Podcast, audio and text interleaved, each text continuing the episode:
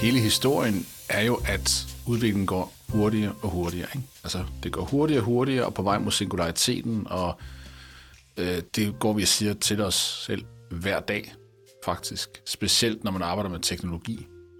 Øhm, hvis man taler med folk fra en ældre generation, vil de også sige, at det går så stærkt, så stærkt. Men når vi så tænker tilbage til os selv i 1980'erne og tænker på fremtiden, 2021, hvordan skulle det være, øh, så, øh, så bliver man måske lidt skuffet. Altså, det er som om, at den fremtid, vi lever i nu, den ikke helt lever op til de billeder, vi havde dengang, for efterhånden så mange år siden. Så hvad er egentlig rigtigt her?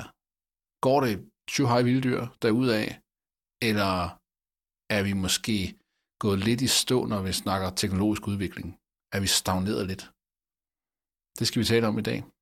Og hvis vi finder frem til, at vi måske er stagneret lidt, så skal vi også tale om, hvad grunden så kan være. Det er jo et øh, emne, som har øh, ligget og boblet på vores liste over mulige emner et godt stykke tid. Mm.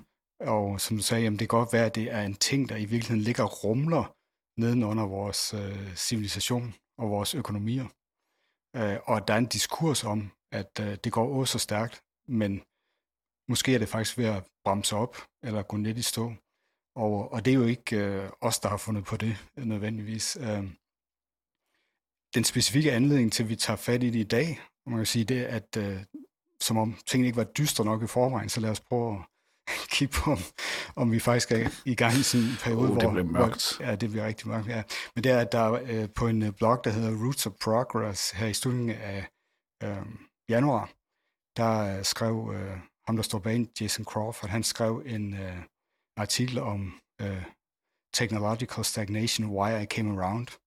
Øh, og jeg tror, at hans blog, den er blev lavet, fordi han egentlig gerne ville undersøge det her med, hvad er øh, årsagen til fremskridt, og hvor meget fremskridt er sket i verden. Og så ender han så her med, i hvert fald forløb her i januar 2021, så skrive en, øh, en blogpost om, hvorfor han faktisk er nået frem til det faktisk. Det kunne godt tyde på, at, øh, at der er en opbremsning. Og noget af det, han bygger på, øh, det er jo sådan noget tankegods fra øh, en, øh, en øh, venture capitalist, som vi nævnte tidligere, den noget omstridte Peter Thiel, øh, som øh, man kan sige ligegyldigt, øh, om man går ind for øh, hans øh, politiske tilhørsforhold. Øh, så, ja, manden er, manden er jo øh, trumpist, ikke? Han, han, han var en af de få Silicon Valley-gutter, der støttede Trump. Han er nok, altså, at beskrive ham som neoliberal er måske en underdrivelse. Og, øh, og så en sådan rigtig white bro-type. Øh, og har jo et rygte af at være dum svin. Men hvis vi ser bort fra det, øh, så har han jo haft nogle skarpe pointer. Altså manden er ikke dum på nogen måde. Nej, øh, og en af dem, som øh, har interviewet ham, øh, og som også har fremført den her stagnationshypotese, det er økonom Tyler Cowen, som mener, at Peter Thiel kunne blive en, en, en vigtig intellektuel for vores øh, øh, periode eller ære, når man ser tilbage. Men, men noget af det, som Peter Thiel han formulerede for nogle år siden, tilbage i øh, 2011-12 stykker, det var, at øh, han sagde, we wanted flying cars, instead we got 140 characters. Og det går han så simpelthen også til, øh, til øh, mottoet for, for sin investeringsfond, uh, Founders Fund. Og den øh, hindrer jo lidt i retning af det, øh, du talte om i starten med, at, at set fra starten af 80'erne, så kan det godt være, at, øh, at 2021 virker lidt øh, skuffende, og det gjorde 2011 måske også, øh, fordi der var jo de her idéer, især tilbage i 1960'erne, om, om flyvende biler og interplanetar rumfart og øh, en masse udadvendte aktiviteter, kan man sige, i, øh, i øh, solsystemet, måske endda universet. Øh, de ting, vi talte om i øh, episoden om interstellar rejser og sådan noget, der bliver også udviklet en masse idéer omkring det dengang. Men, men det er jo heller ikke realiseret. Så, så, så det han øh, peger på der, det er, at det nogle af de her ekspansive øh, nye ting, i, især i verden af atomer, altså i den fysiske verden, de er ikke rigtig blevet til noget. Men jeg tænker, at vi er helt oppe og ringe over, at, øh, at at vi kunne skrive beskeder til hinanden på 140 karakterer, og nu, da der, nu kan vi så bruge 280 karakterer i vores Twitter-beskeder, ikke? Altså, hvor, hvor navlebeskuende kan det dog blive, er hans pointe, ikke? Jo. Og, og det er så øh, også øh, funderet i en, øh, en undren inden for øh, i hvert fald visse del af, af ø- økonomien, øh, altså den økonomiske videnskab, hvor der allerede tilbage i øh, 1980'erne var, var en, der Sorov, der øh, formulerede et produktivitetsparadoks, kaldte den. Øh, og, og det handlede om, at der jo blevet investeret en hel del ting i, øh, eller en hel del penge og ressourcer i øh, IT-teknologi allerede dengang, men man kunne ikke rigtig se det på produktivitetsstatistikkerne. Og det mærkelige er, at, at væksten i produktiviteten er også faldet øh, igennem de sidste øh, 40-50 år. Så, så mm. den der idé om, at åh, vi buller derude, at det er måske mere noget, vi er gang, har været i gang med at bilde os selv ind, end, øh, end det er et reelt øh, forekommende fænomen. Altså, det får mig til at tænke på mange ting, men, men lad os tage to af dem. Den første, det er den her historie, vi har fortælle os til os selv. Ikke? Og, og jeg skal lige sige, jeg er ikke, jeg har ikke, jeg har ikke internaliseret stagnationsteorien. Det har jeg ikke. Øhm, så det er vidderligt et afsnit, hvor vi vil undre os det her.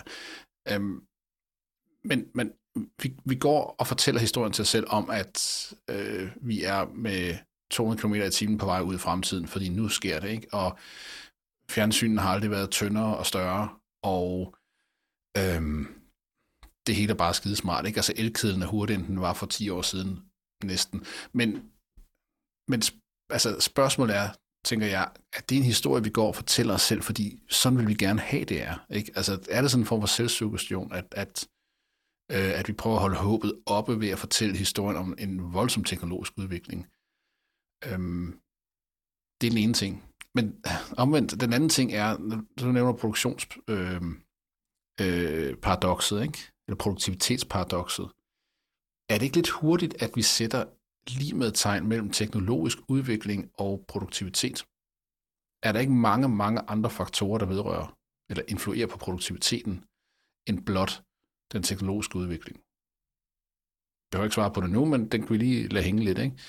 At, at jeg synes, den er lidt nem, den der. Der er selvfølgelig et øh, spørgsmål der, der handler om, hvad, hvad dækker teknologi over?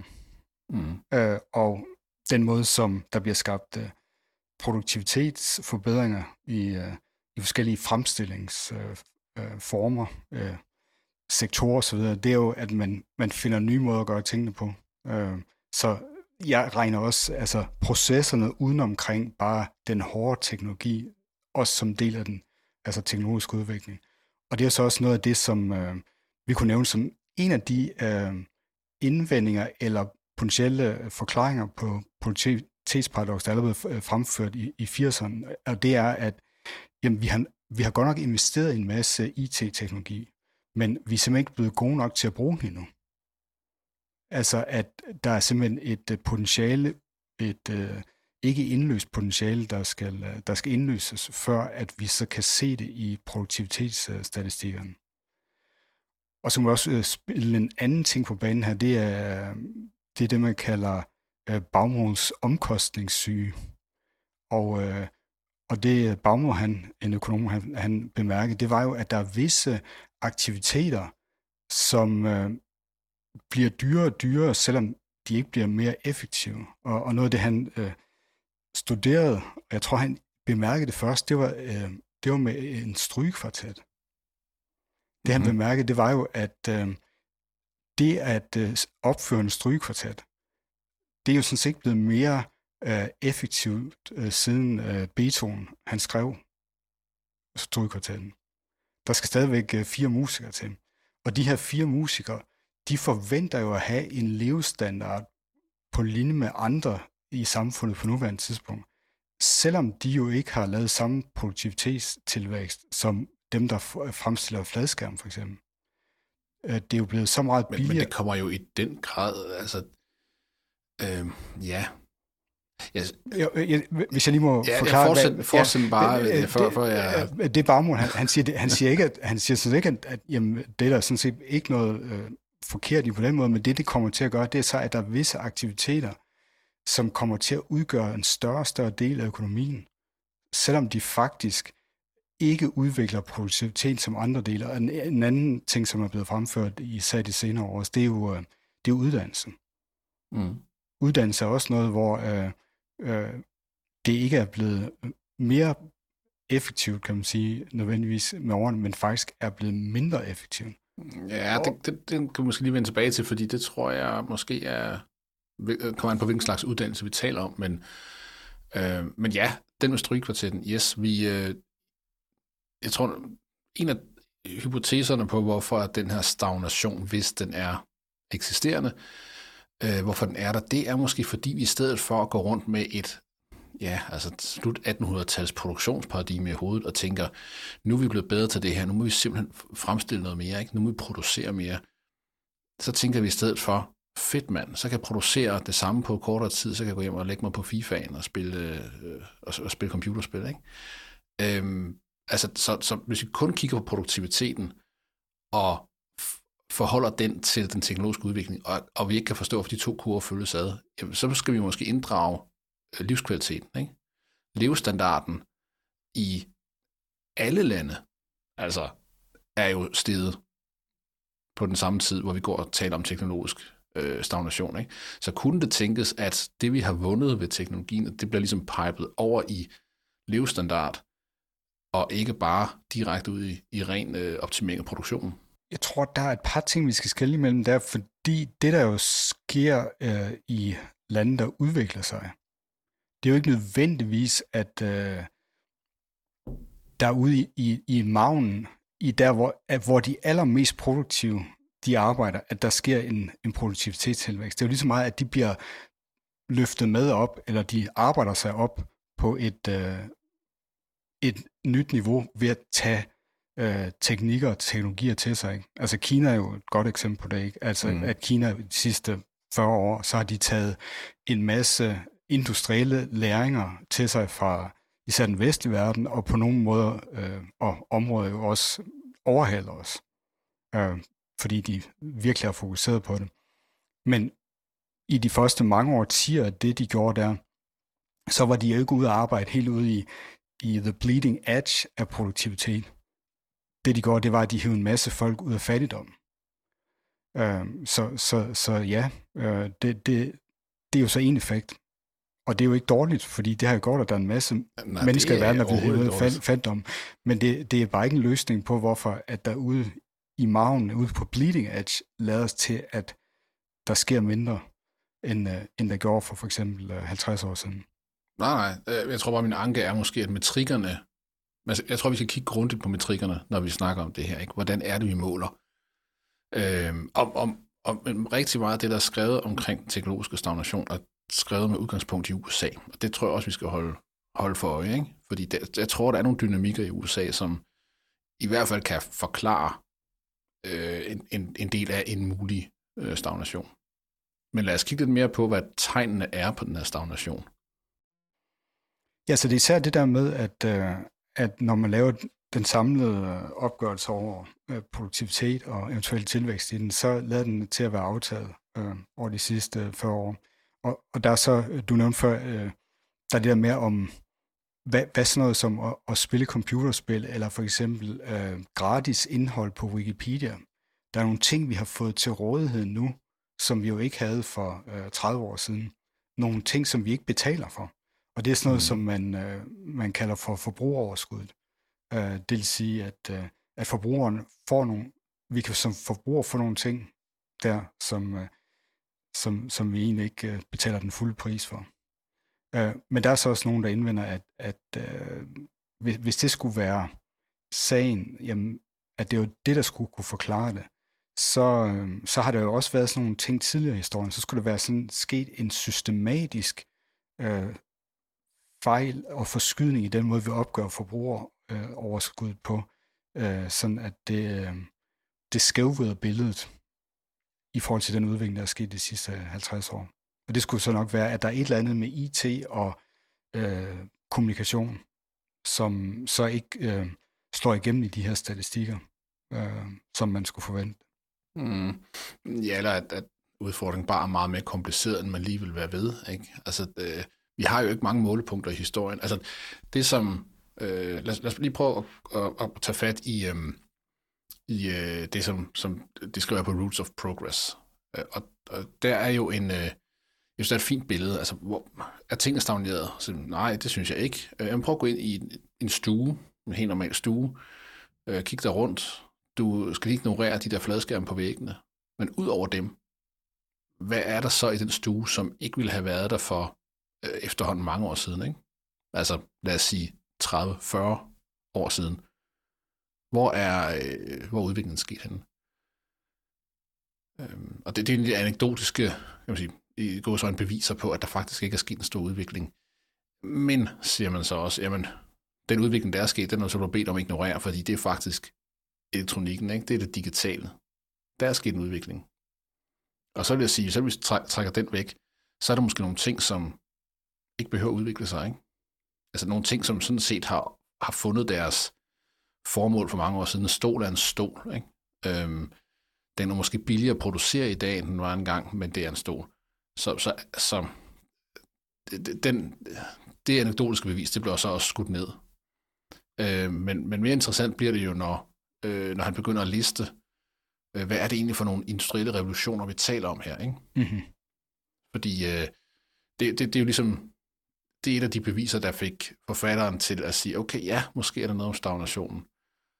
Og det han nævner, det er, at den, i den første industrielle revolution, jamen der er øh, mekaniseringen, begrebet mekanisering, var, en, øh, var et gennembrud. Der flyttede vi os. Så nævner han øh, dampkraft, og han nævner lokomotivet. Og han siger, så tæller han op, der er så tre store gennembrud i den første industrielle revolution. I den anden industrielle revolution mener han har kunne tælle fem øh, gennembrud. Og det er øh, forbrændingsmotoren og de fossile brændstoffer. Det er elektricitet. Det er den elektroniske kommunikation. Det er industriel kemi. Og, øh, og det, som amerikanerne kalder germ theory, men altså øh, mi- viden om mikroorganismer og, og sygdomme. Ikke? Øhm, som han ligesom regner med i den anden industrielle revolution. Og det, det ved jeg sgu ikke helt. Jeg synes, det var lidt på vej før. Ikke? Det er tidligere, men fair nok. Øhm, og så siger han, at i dag i den tredje industrielle revolution, i den digitale revolution, hvad har vi der? Vi har computer, og der er følgende digital kommunikation, punktum. Vi er minimum to gennembrud bagud, hvis du kigger i historien. Enten så er de lige på trapperne, eller også så, øhm, så er vi ved at gå i stå. Og der, øh, hvis, vi, hvis vi tager fat i for eksempel den anden af de her to industrielle revolutioner, der taler vi slutningen af 1800-tallet, og så, øhm, og så op i starten af det 20. århundrede. Der, mm. der er jo sådan et eksempel på, som jeg synes er rigtig sjovt, øh, på hvor lang tid det kan tage for en, øh, for en teknologi og, øh, og nå sit øh, fulde potentiale. Og det hænger, det hænger til, sammen med, hvad der skete i den første industrielle revolution. Og den ting, jeg tænker på, det er elmotoren og den sprog mm. industrien. Det, der skete i den første øh, industrielle revolution, det var, at mekaniseringen, den startede jo først med sådan som vandmøller og vindmøller. Og den måde, man, man får kraften fra en vand- eller en vindmølle på, det er jo, at man har en masse øh, gear og øh, bånd og overføring ud fra en central kilde, ud i for eksempel en, en, øh, en mølle, hvor man maler mel. Og, øh, og det var den måde, man jo også lavede de, øh, de første øh, fabrikker på. Altså for eksempel tekstilfabrikkerne i England. Og, og det, dampmaskinen, den understøtter også den form for, for kraftoverføring, hvor man har en central øh, energikilde, som, øh, som laver den her bevægelse, og så har man en hel masse øh, mekanisk overføring af den her kraft ud i sin fabrik. Og det betyder simpelthen også, at det sætter nogle begrænsninger øh, for, hvordan man bygger sine fabrikker. Mm. Og der er vist noget med, at det smarteste der, det er, at man bygger dem i højden, fordi så kan man få sådan en, en, et langt, øh, øh, et langt, øh, en lang aksel eller nogle bånd ført op igennem sådan en høj bygning. Og rundt udtale de her maskiner, som så står rundt omkring. Og der er selvfølgelig også grænser for, hvor, hvor langt man, man kan lave den her kraftoverføring. Det, at øh, det var lykkedes så godt, det stod i virkeligheden i vejen for, at da man så i omkring år 1900 blev rigtig god til at lave elmotorer, så fik man ikke taget dem i brug i industrien. Fordi hele tænkningen og hele setupet omkring produktion, det var lavet på det her øh, mekaniserede øh, dampmaskine, øh, centrale kraftkilde øh, koncept. Så det tog en del årtier, før man nåede frem til øh, at udnytte elmotoren. Og det den jo kan, det er, at den kan distribuere den her øh, kraft ud, så der bliver produceret lige præcis den rigtige form for mekaniske kraft i den specifikke maskine, og lige pludselig så kan man jo meget bedre også styre de enkelte maskiner. Og det var det, var det paradigme, øh, jeg så voksede op med øh, som barn i sådan industriel øh, bogproduktion. Det var, øh, det var alle de her maskiner, der hver især havde adskillige elmotorer, som blev brugt til at, at sætte materialet igennem og tilføre mm. værdi i den produktionsproces. Men det var så sådan et eksempel på, at, at det kunne tage mange årtier for mm. en, en egentlig temmelig effektiv og smart teknologi at slå igennem.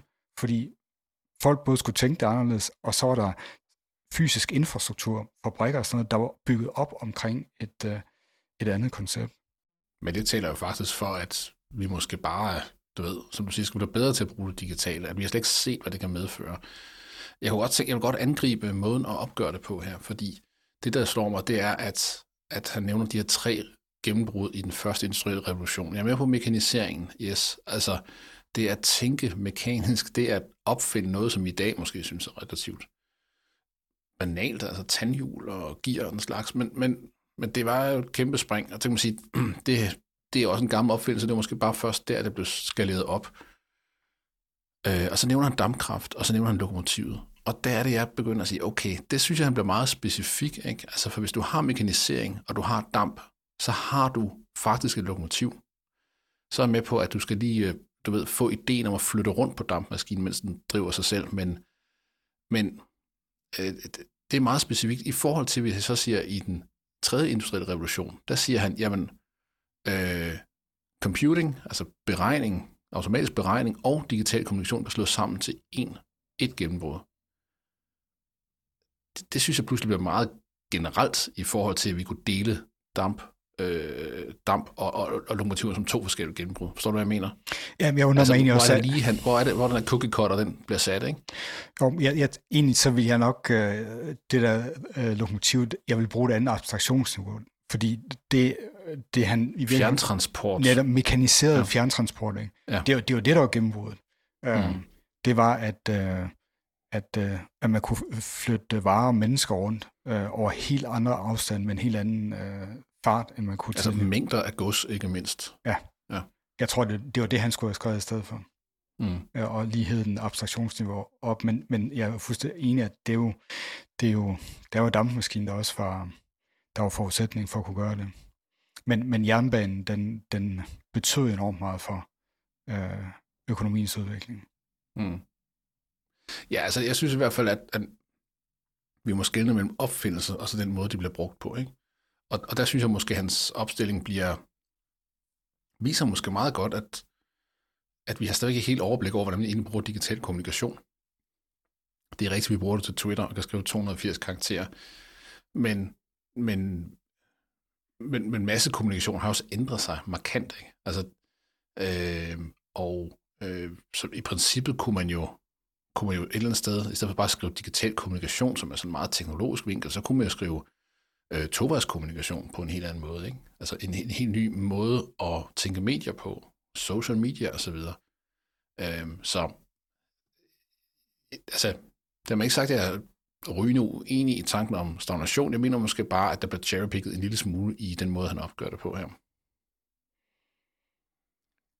Ja, og altså det kunne lidt minde om, øh, om det, vi snakkede i, i episoden om øh, arven efter Apollo, hvor at i starten af 80'erne, der var det ikke til at se, hvad arven efter Apollo egentlig var. mm. Øh, fordi at uh, der var vi stadigvæk for tæt på. Og det mm. først manifesterede sig senere. Øh, og, og det er rigtigt, at det, det, det kunne virkelig kende øh, generiske, for, især det med digital kommunikation, fordi det kan jo virkelig bruges til mange ting. Altså der, det kan bruges synkront, øh, som vi gør nu, hvor vi sidder og har en samtale, øh, og det kan bruges asynkron. Og især den asynkrone øh, distribuerede kommunikation, den, øh, ser ud til at kunne have nogle altså øh, første og anden, tredje ordens effekter nærmest, som er helt uoverskuelige. Også, øh, det må man sige. For hvordan vi styrer Politisk vores samfund. og ja. socialt, ja. ja. ja. Øh, men jeg synes, jeg synes så, altså det bliver jo så faktisk mere interessant, når man siger, hvad er det så, der ikke er sket? Ikke? Mm-hmm. Hvad, er, hvad er de udblivende revolutioner? Og, øh, og hvis vi bare slår ned en af dem, så er det jo, hvorfor i verden har vi ikke løst kraftens gåde endnu? Med alt det, vi kan øh, hælde i af penge og ny teknologi, og vi kan segmentere genomer, og vi kan bruge, vi har en enorm mængde beregningskraft, øh, og alligevel har vi ikke flyttet os der.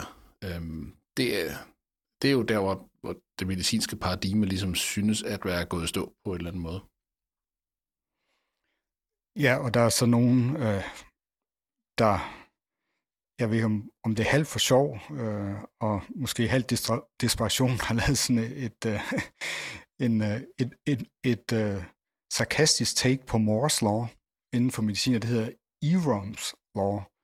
Og, øh, og det, det er jo sådan set bare Moore's Law, eller Moore bagfra, og det er simpelthen fordi, at i modsætning til inden for øh, computerkraft, hvor vi har set den her øh, eksponentielle vækst i antallet af transistorer på det samme areal, og en øh, pris også, der er gået eksponentielt ned, øh, så er den modsat nærmest sket inden for udvikling af sådan noget som medicin.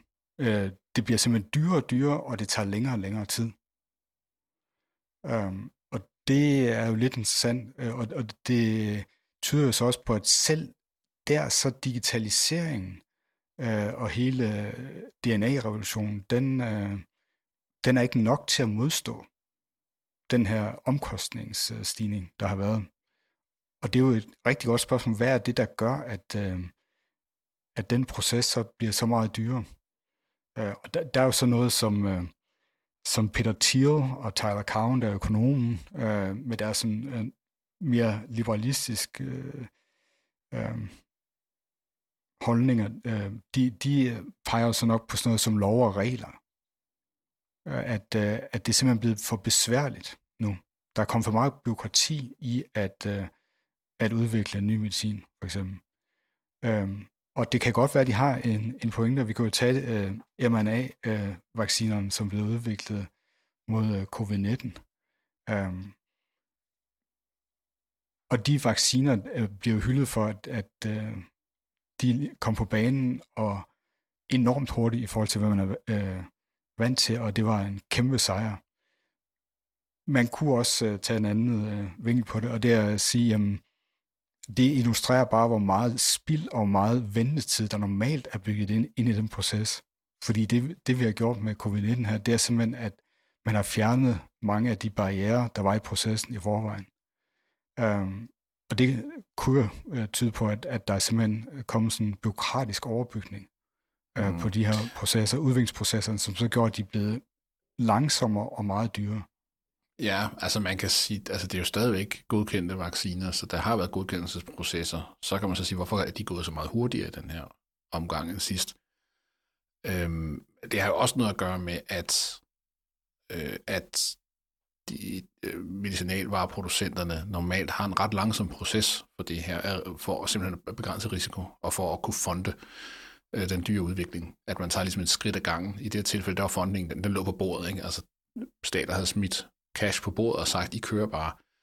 Øhm, og man ved, der er et marked i den anden ende, et sulten marked, så, øh, så derfor så har man så, øh, du ved, bare kørt på. Så det har også været nogle interne ting, altså det var en, man, man har ikke været så hæmmet af risiko, så jeg tror, det er en meget kompleks historie, men, men ja, altså, øh, titel vil nok helst se, du ved, det er under byråkrati, det er den, den, den styrende stat, der, der gør forretning svært, ikke?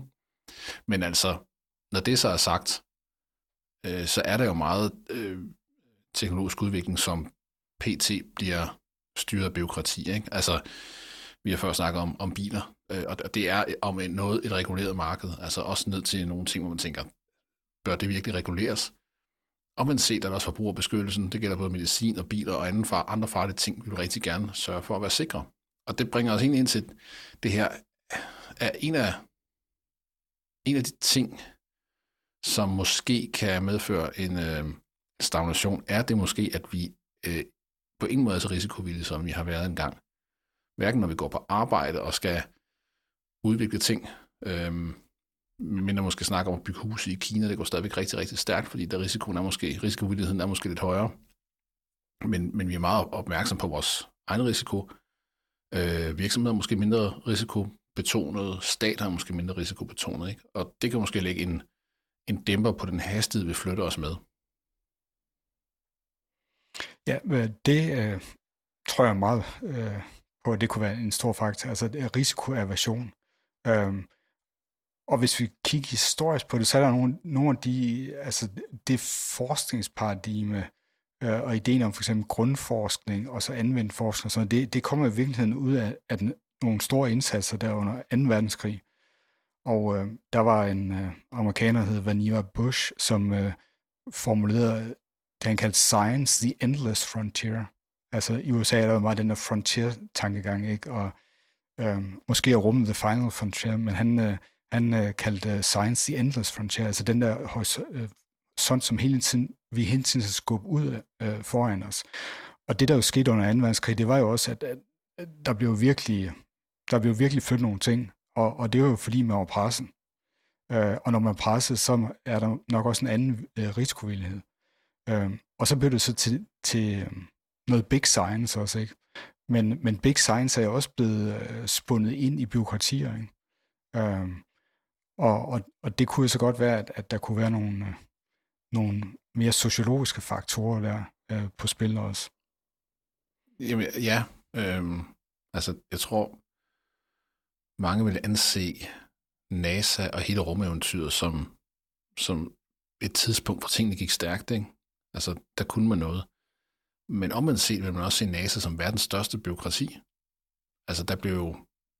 Tingene gik jo ikke nødvendigvis... Altså, hvis vi ser bort fra Apollo, men i æren efter Apollo, så gik tingene jo ikke nødvendigvis super stærkt. Og det, der gik stærkt, det endte jo noget hardware, som måske bestemt ikke var særlig godt gennemtænkt, eller i hvert fald øh, ikke optimalt i forhold til, hvad det kunne være blevet. Ikke? Øhm, så det handler jo meget på, altså, hvordan, hvad er det, vi måler på her? Ikke? Metrikkerne, hvordan er det, vi, øh, vi ser på udvikling? Hvad er det, vi kalder udvikling? Og det, jeg synes ikke, det står fuldstændig klart i, i teksten, at øh, hvad er det, vi måler på? Er det mere en fornemmelse? Eller er det, som du var inde på i starten, en øh, produktion, altså produktivitet? Øhm, eller bliver det her lidt mere anekdotiske med, at jeg troede, at vi det her ville kunne mere, og det, vi var noget længere på et eller andet område, ikke? Eller vi bare generelt skuffet over, at tingene så længere tid, vi troede, de ville. Noget jeg tænkte på på den digitale del, øhm, fordi rigtig meget af den digitale udvikling er blevet drevet af ting, vi nok ikke vil sige var produktion, eller øh, sparker så meget ind på produktiviteten. Altså hele underholdningsbranchen, computerspil, øh, uendelig meget digital båndbredde nærmest, så vi kan se, du ved, otte livstider content, hvis vi gider. Øhm, men, men der, hvor jeg synes, det begynder at blive rigtig interessant, det er jo, når det digitale begynder at påvirke det, vi så kan med atomer. Og noget så simpelt som en lille drone, som jo er hverdag for de fleste, er, er jo et sted, hvor det digitale beregningskraften møder den fysiske verden af atomerne, og får den fysiske verden til at kunne noget, som vi slet ikke kunne forestille os før. Og, og, og dermed bliver det noget, som nogen betragter nærmest som legetøj. Men de autonome droner, vi, droner, vi ser i dag, øh, tror jeg, vi i øh, vi vil se tilbage på som et meget, meget større gennembrud, end vi tror, det er. Og det viser måske, at, at gennembruddene sker, når, når damp møder mekanisering, ikke? Jamen, så får vi øh, massetransport og fjerntransport med toget. Når bits og bytes møder øh, små elektriske motorer, som vi opfandt for mange, mange år siden, så kommer der noget nyt ud af det, som så flytter os. Ja, og det er, kan man sige, kunne pege på nogle af de øh, idéer, der er jo om, at, øh, at for at teknologisk udvikling skal kunne foregå, så skal der også være nogle netop ting, der kan kombineres. Øh, der er begreber, begreber om the adjacent possible. Altså, der skal ligge nogle ting sådan, øh, lige ved siden af, som er modne nok til, at man kan kombinere dem sammen. Og øh, der er en kompleksitetsforsker også, der, der illustrerer det med et, øh, med et værksted, hvor at, hvis man skal virkelig opfinde ting og bygge ting i sit værksted, så er det egentlig ikke en god idé at, øh, at være for effektiv med at rydde op. Fordi at have lidt forskellige dele af alt muligt mærkeligt. Det er egentlig godt i sit værksted, fordi man ved aldrig helt, hvilken type problemer man, man kan støde på. Øh, og derfor så kan man tage nogle ting, man kan, man kan file lidt på, og man kan lave noget tinkering. Og, og det er jo ofte det, der sker øh, netop ude i, i magnerne med teknologiudviklinger, hvor, hvor som nævner dronerne, ikke, hvor at, øh, lige pludselig så er der computerkraft nok til, at man kan tage noget, der i virkeligheden er gammel militærteknologi uh, inden for aerospace, og så, så kan man uh, uh, samtidig kombinere med uh, udviklingen af batteriteknologi uh, til smartphones, uh, som har kraft nok til nogle små uh, uh, elmotorer, der kan drive en drone. Ikke? Og det, det er det der med at kunne bage alle de her så ting sammen, og de skal ligesom være der ved siden af hinanden, øh, før man kan komme, komme videre. Og det er nok, øh, det er der, hvor jeg har sådan en, en, en dårlig fornemmelse. Øhm, og det er jo, at, øhm, at jeg synes, jeg begynder at kunne se, jo mere jeg har været involveret i teknologiudvikling, jo mere jeg har, har studeret det, øhm, desværre kan jeg se, at det er at lave netop at realisere nogle af de der ting, som, øh, som, som vi læste om i science fiction og sådan, i, i starten af 80'erne. Det er simpelthen, der skal være, der er så mange forskellige dele teknologier, der skal på plads, før noget kan lykkes. Um, og der er det jo interessant at se sådan en som Elon Musk, som vi også har nævnt, og vi nævner gang på gang. Han er meget svær at komme ud når vi snakker teknologi, men, teknologi og, og teknologisk udvikling. Men, men hvis, hvis jeg skulle sådan komme med sådan en, en lidt, uh, en lidt kantet uh, kommentar, selvom jeg altså jeg er ikke fanboy, men jeg, jeg støtter jo virkelig øh, det, det, han prøver at opnå.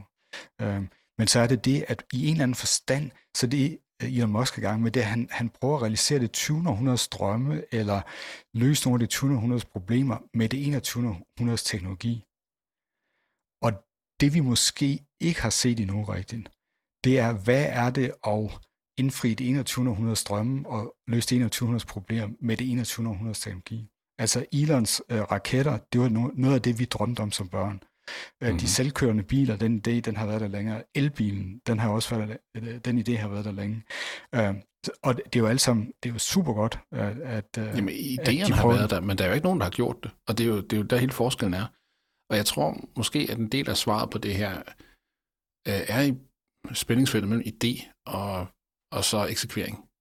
Fordi det, at vi sad i 80'erne og drømte om flyvende biler, eller hvad i verden vi nu drømte om, øh, har jo ikke bragt øh, menneskeheden et, et en my tættere på at, at, at bygge tingene.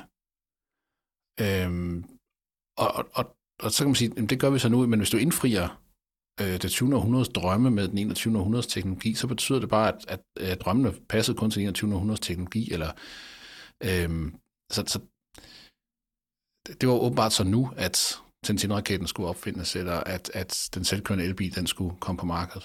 Det er den ene ting. Den anden ting er, at øh, hvis vi taler om Elon Musk, øh, så skal man jo også man skal se på hele rækken af entrepriser, han er gang i.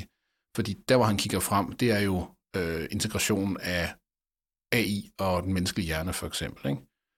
Det er i, i den grad 21. århundredes teknologi. Meget af det er finansieret ved at opfylde det 20. århundredes behov for mobilitet. Altså, man kan sige, bilen er jo en utrendy ting. Det er noget, vi har brugt længe, og den, er, den har ikke et særligt godt rygte. Øh, hvorfor bruger han ikke sine kræfter på at lave noget, der peger fremad, kunne man så sige, i stedet for at pege tilbage og bare optimere lidt på det? Jamen simpelthen fordi der er et marked for det. Altså, manden er kapitalist, og manden er købmand. Og, og det skal man huske, når man, når man taler pænt om Elon Musk og hans, øh, hans, hans evne til at, at øh, opfinde interessante ting. Jo jo, men altså, han opfinder også ting, som folk vil købe, ikke? Og, øh, og det kan så måske, eller måske ikke være med til at finansiere noget mere fremadrettet. Jeg tror, det er den måde, man skal se hans virke på. Øhm, folk, der ser ham som den store frelser, øh, har misforstået noget fuldstændig grundlæggende omkring, hvordan han fungerer, tror jeg.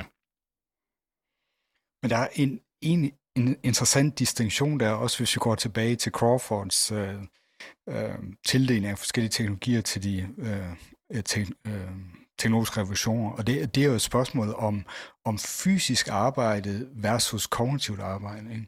Fordi de fleste af de teknologier, som, som han lister der, øh, især dem på de første par øh, industrielle revolutioner, det er jo nogen, som adresserer fysisk arbejde.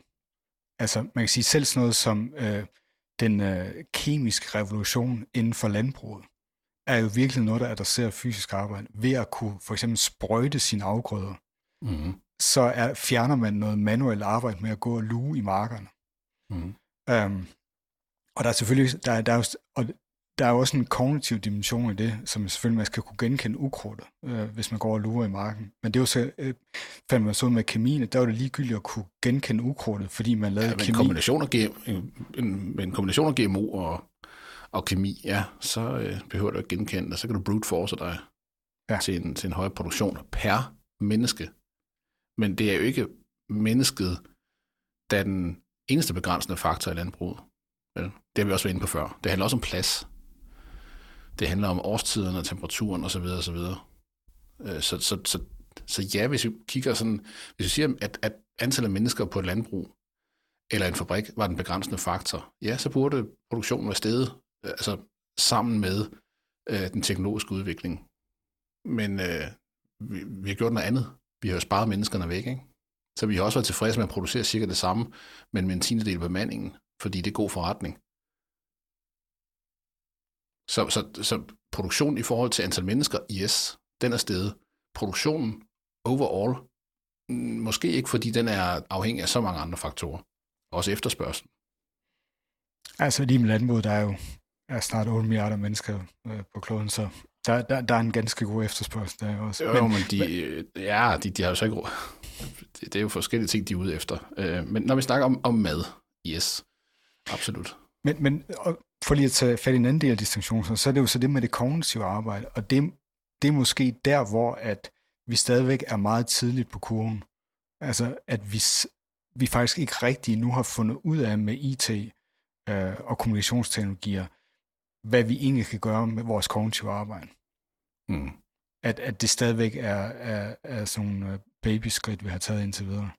Øh, at, at at der, der er så meget mere at komme efter nu, at vi, at vi nærmest ikke kan øh, endnu se, hvad mulighederne er.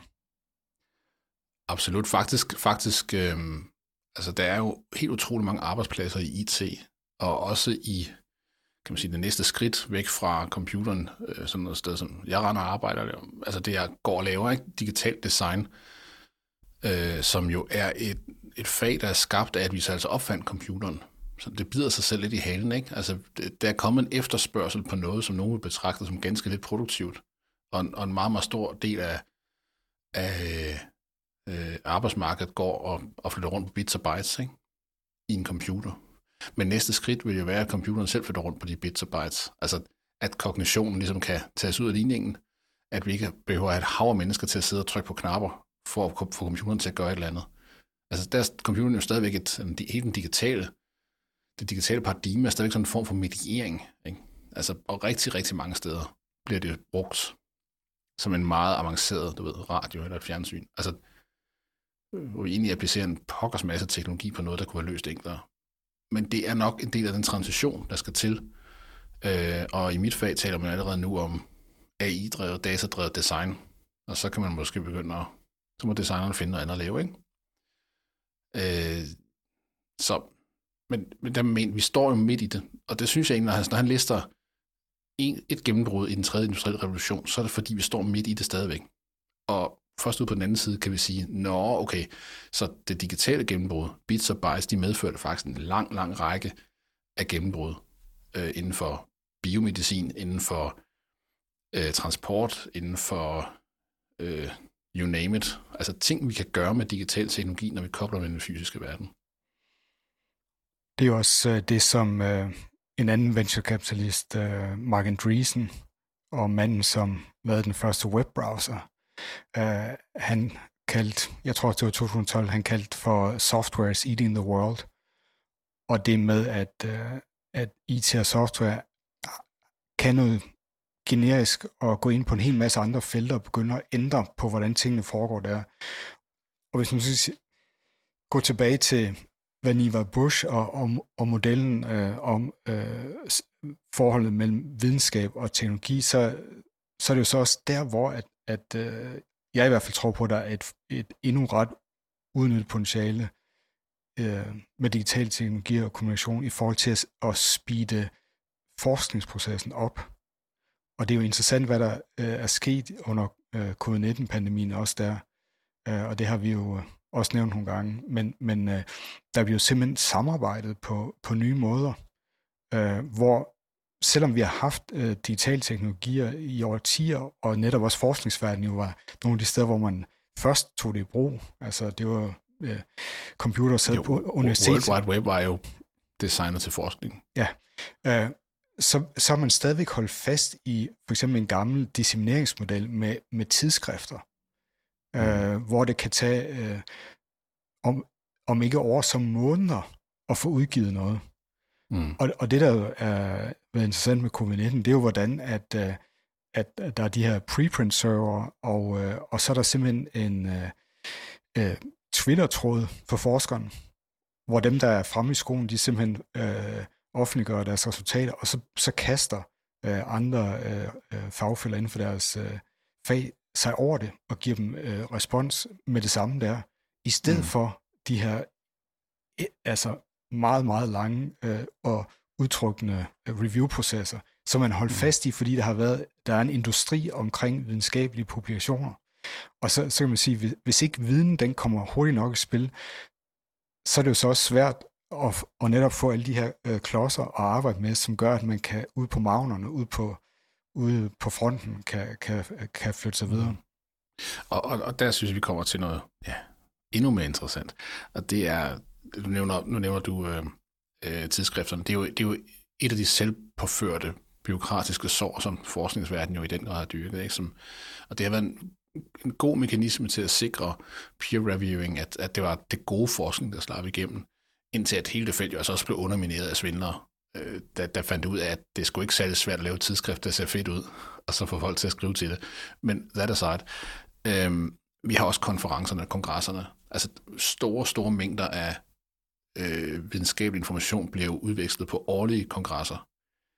Øh, og vi snakker jo altså kongresser med 40, 50, 60.000 mennesker, der mødes geografisk i en by, eller lad os sige møtes, for det er sjovt nok øh, gået lidt i sig selv her for tiden.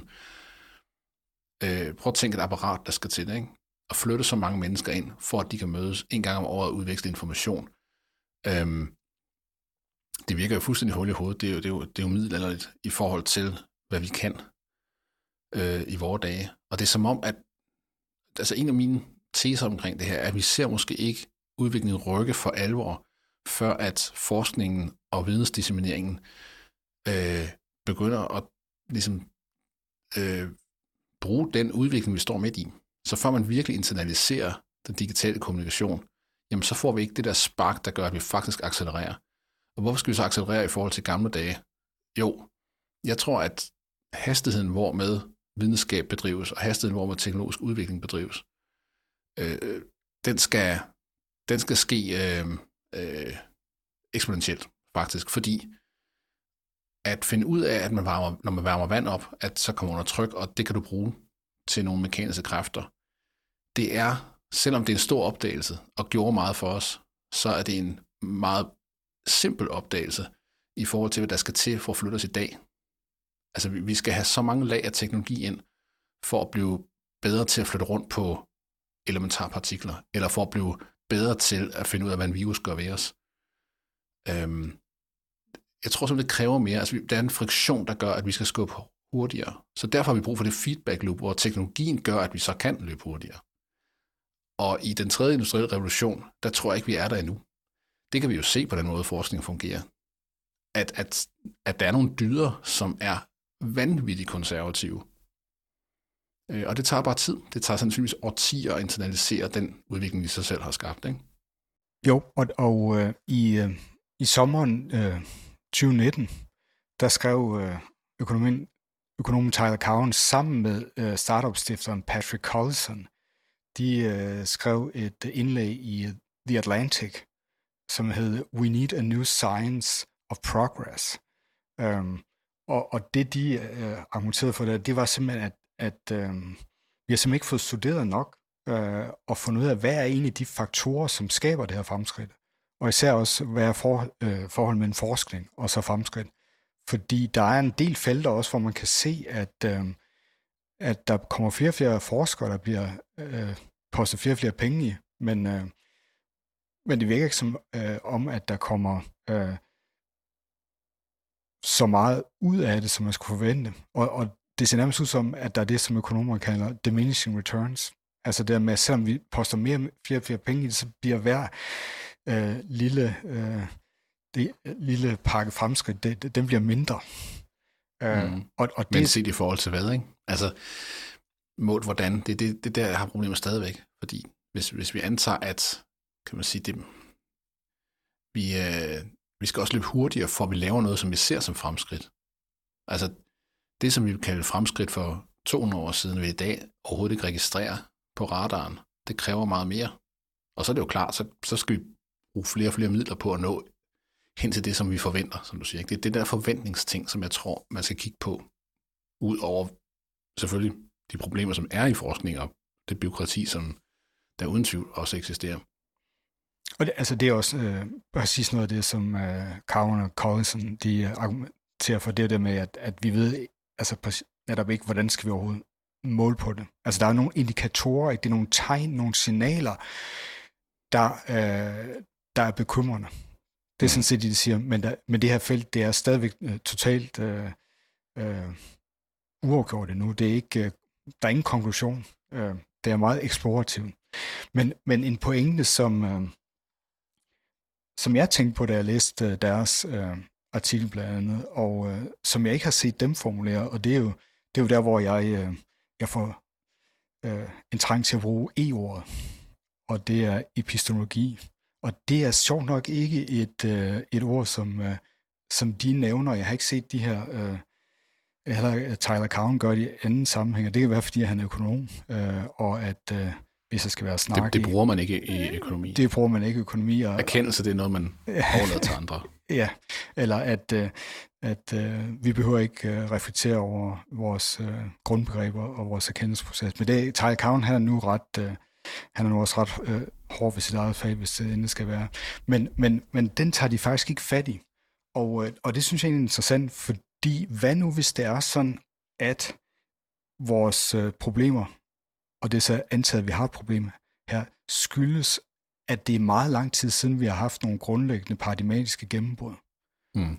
Og, øh, og, og at vi måske øh, også opererer ud fra en model, som, øh, som blev rodfæstet i det tidlige 20. århundrede. Og det var øh, nok især kvantemekanikken inden for fysik, og, og til dels også øh, Einsteins relativitetsteori, selvom den, øh, den jo ikke haft så stor øh, praktisk betydning i hverdagen. GPS er som sagt det, der et af eksempler på det. Men, men den her idé om, at teknologiudvikling kommer ud af øh, nogle af de her øh, grundlæggende gennembrud i videnskab. Og, og der er selvfølgelig også sådan, den nukleare teknologi, ikke? den kommer jo også ud af, øh, af kvantemekanikken og, og partikelfysikken. Øh, og at det måske har øh, er en, en formel, som vi har taget til os, uden at tænke over, at der egentlig historisk set også har været andre veje rundt på det. Og der, der i den øh, øh, industrielle revolution med, med dampmaskinen, der var det jo lidt omvendt i forhold mellem dampmaskinen og så termodynamikken. Hvor at, øh, sådan som det ser ud, det var jo egentlig, at der skete en masse teknologisk tinkering, en masse eksperimentering med de her øh, dampmaskiner, og det her med netop at varme noget damp op, og hvordan ekspanderer det, og hvordan trækker det sig sammen, og hvordan overfører man kraft og sådan noget. Øhm, og der, der var en masse empiriske resultater der, som så blev sammenfaldet i termodynamikken. Og, øh, og det kan jo så godt være, at, øh, at den der idé om, at der skal komme sådan et, et øh, gennembrud nedefra først, før vi kan få ny teknologi, at det er også en, øh, en selvpålagt begrænsning. Det kan godt ja, være, altså at, at bottom-up øh, grundforskning ligesom ikke automatisk afføder store forandringer. Øhm, og, og, og jeg tror heller ikke, det er, jeg tror bestemt ikke, det er løsningen at sige, at grundforskning skal, øh, hvad det, man kalder det, øh, skal rettes mod industrien, skal, øh, skal have et mål om at, du ved, kunne gå i markedet med et eller andet. Det er jo, også, det er jo vanvittigt håbløst, ikke? Øhm, sådan kan kun forskningsminister tænke. Men, men jeg, jeg, jeg, jeg tror, du har, du har fat i noget. Altså, at, øh, at vi måske har romantiseret forskning og videnskab. Øh, at vi har den her idé om, at øh, et eller andet bordtype sætter sig ned og tænker og tænker og tegner på en tavle, og vupti, så opstår atomkraften ud af det. Øh, udfordringen er selvfølgelig, at, at hvor du kunne, du kunne gå og tænke med noget damp, ikke? Og, øh, og du kan få en turbine til at dreje rundt i, i et relativt primitivt øh, laboratorium. De teknologier, vi har brug for at skabe, øh, i, i næste, til det næste gennembrud, øh, det kræver noget lidt andet. Ikke? Altså, det, det, det er ikke, du kan ikke gå rundt i bryggerset og, og lege med det. Det er, det er noget, der sker i nogle helt anderledes komplekse eksperimentelle opstillinger. Øhm, og, og, og det er jo klart, altså, så er der jo bare så, meget, så mange færre mennesker, der har muligheden for det, og, der, og det kræver også så meget større midler at ligesom kunne være sådan en form for tinkerer, der går rundt og leger med lidt kvantemekanik eller den slags, ikke? Ja, og altså, måske er der i virkeligheden sket en eller anden der markedsgørelse, noget, der har snedet sig ind til i grundforskningen, og som har været med til at gøre den mere konform. Og det er Siger jo, du måske? Måske, ja. Men, men det er tror jeg, jeg kan det, garantere det er. Ja, og det er den måde, den bliver finansieret på, ikke? fordi mm. øh, der er jo også kommet enormt meget byråkrati ind der, øh, og vi kan jo Altså, jeg har ikke problemer med at bruge ordet dyrficeret, ikke? Altså, øh, og, og når der sker det, så, så, øh, så kommer der også gerne den her øh, risikoaversion. Og, og det, det ser man også øh, på danske universiteter, ikke? Øh, og man ser det, øh, øh, hvis man skal søge fondsmidler, altså der skal søges flere og flere fondsmidler, og øh, man kan sige, jeg har jo bevidst holdt mig fra en akademisk karriere, men jeg er jo sådan med på sidelinjen alligevel i, i det, jeg går og laver. Du går og, også og lever af fondsmidler. Øh, og, øh, og, og jeg kan jo godt se, hvad der foregår der, altså hvor at, at forskere de bruger mere og mere tid på at, at skrive ansøgninger, der kan plise nogle idéer om øh, hos nogle fonde, om at uh, støtte noget. Og problemet er jo bare, at det, øh, det kan være med til at rette ind, ikke? Altså, så i stedet for, Jamen, at, at problemet man... er jo faktisk, altså problemet er jo, hvis de projekter, der bliver søgt om, øh, er så sikre, at du ved, du kan vise en, en, en succes. Øh, hvem vil søge en stor, måske en privat fond, ikke? Måske ovenkøbe en privat fond inden for den industri, du godt selv kunne tænke dig at arbejde i. Lad os bare sige pharma, for eksempel. Hvem har lyst til at søge den for at lave et super, altså lad os sige 20 millioner, for at lave et super risikabelt eksperiment, som der måske er 10% chance for at vil komme med et, et positivt resultat. Øh, grundforskning vil sige, at det negative resultat er lige så vigtigt, men, men, øh, men det er jo ikke det, du har lyst til at stå og vise frem efter tre års erhvervs PhD, eller hvad det nu er, du søger om. Ikke? Så, øh, øh, så, så man nu skal nok skyde det lavt og sige, der er en ret god chance for, at, at, at de her resultater faktisk vil kunne manifesteres.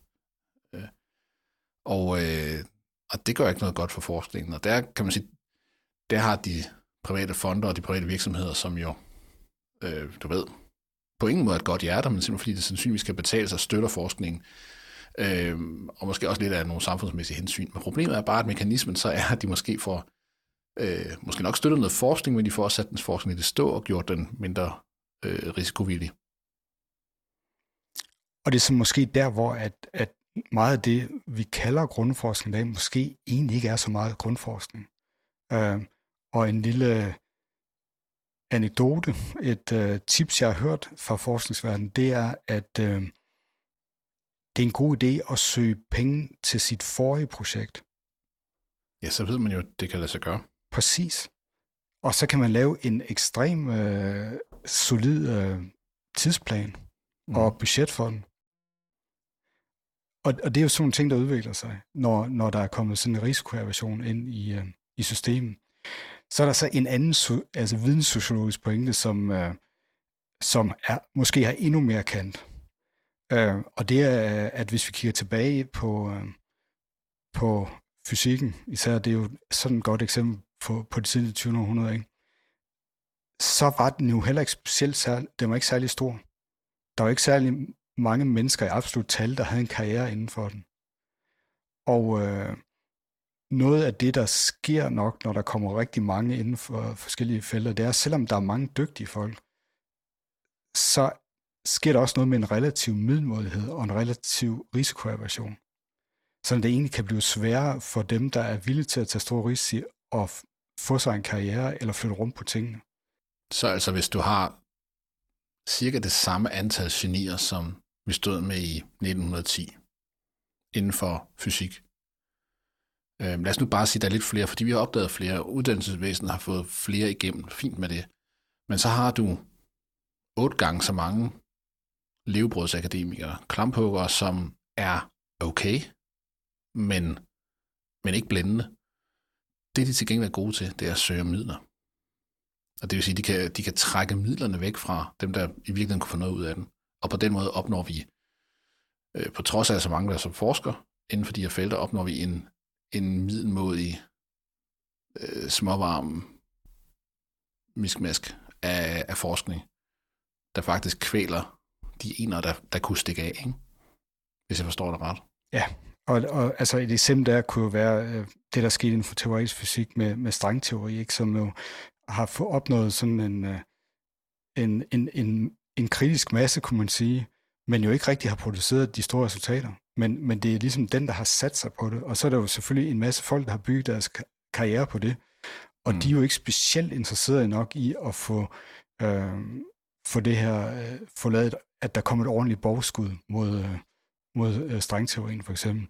Og, og, Nej, og, og, og det, det, bliver, det bliver en ting, hvor du ligesom øh, kan forske videre i det, ikke?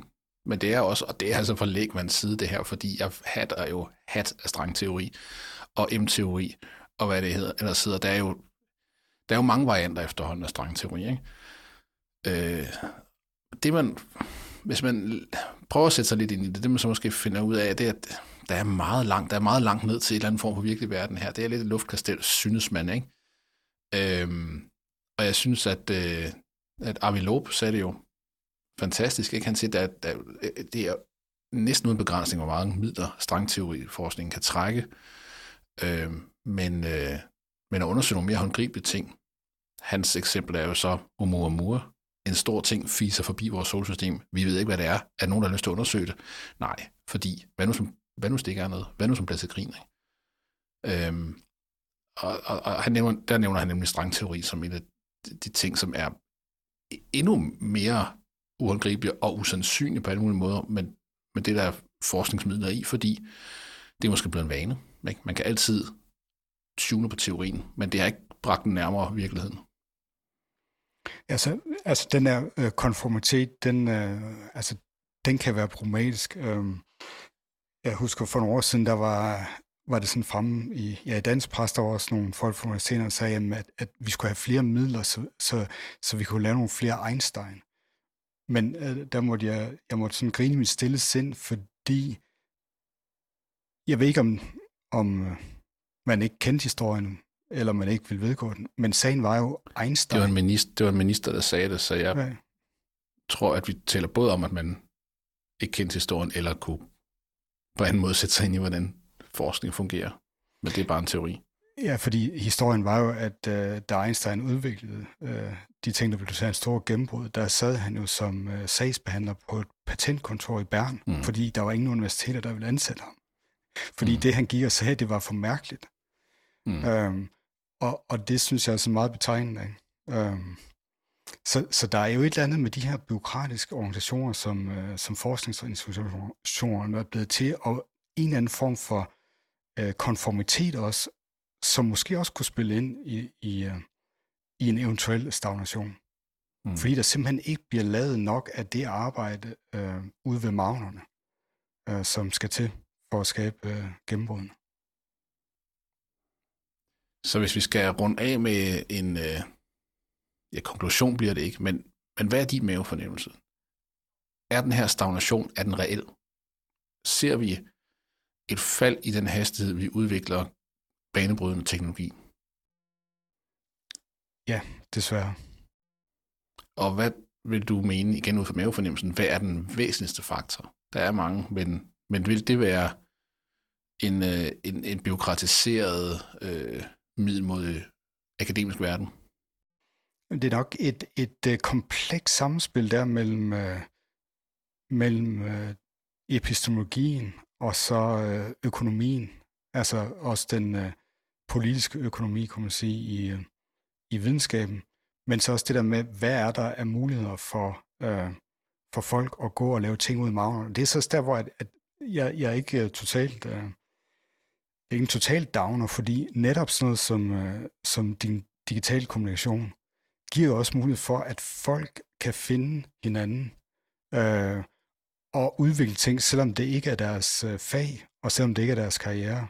Og det har jeg også øh, været en del af selv, og selv en del af, synes jeg, i, i Quantify Self-fællesskabet, hvor, det jo, at, hvor vi har gået og udviklet ting øh, for egen regning, og folk i deres fritid og så videre, baseret også på ting, de kender fra andre fag, og som, som har skabt nogle praksiser og øh, også nogle teknologier, mm. som, øh, som ingen, ingen store institutionelle kontekster eller apparater har været parate til at omfavne. Så det er måske ude i den der French-del af, af forskningsverdenen, den ikke helt etablerede del, at, at vi skal se øh, de næste gennembrud komme fra, hvis de altså får traction, hvis de bliver opdaget, eller hvis man får den ind i den etablerede verden, så de kan blive sat i produktion, eller hvordan de nu skal skaleres op for faktisk at gøre noget for os. Fordi igen, en ting er jo at have prototypen, og andet er at gøre det. Jeg, jeg, jeg, vil være, jeg vil vælge at være endnu mere optimistisk. Jeg tror, det her det handler om vores metrikker. Jeg tror, det handler om, at vi er skuffet over nogle drømme, der ikke blev indfriet. Og at vi står midt i et paradigmeskifte så stort, at vi ikke kan se det gennembrud endnu. Vi kan simpelthen ikke se, hvad det egentlig kommer til at gøre for os, og derfor gør vi som forfatterne for Roots of Progress. Vi slår det hele sammen og siger, det er bare det digitale. Men det, det kommer til at afføde, det kan vi, det kan vi endnu ikke mærke. Når vi ser det, så tror jeg måske, at vi vil se på det anderledes. Når det kommer til, til forskningsverdenen, der er vi jo nok meget enige.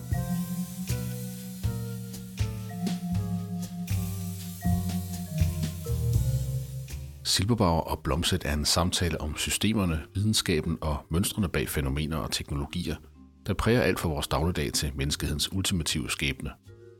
Har du kommentarer eller spørgsmål til episoden, du lige har hørt, så fang os på Twitter på snabelag silberblom. Her poster vi også links til kilder og andet indhold, som er relevant i forbindelse med vores episoder. Abonner på Silberbauer og Blomsæt på Spotify, Apple Podcast eller din yndlingspodcast tjeneste. Tak fordi du lytter med. thank you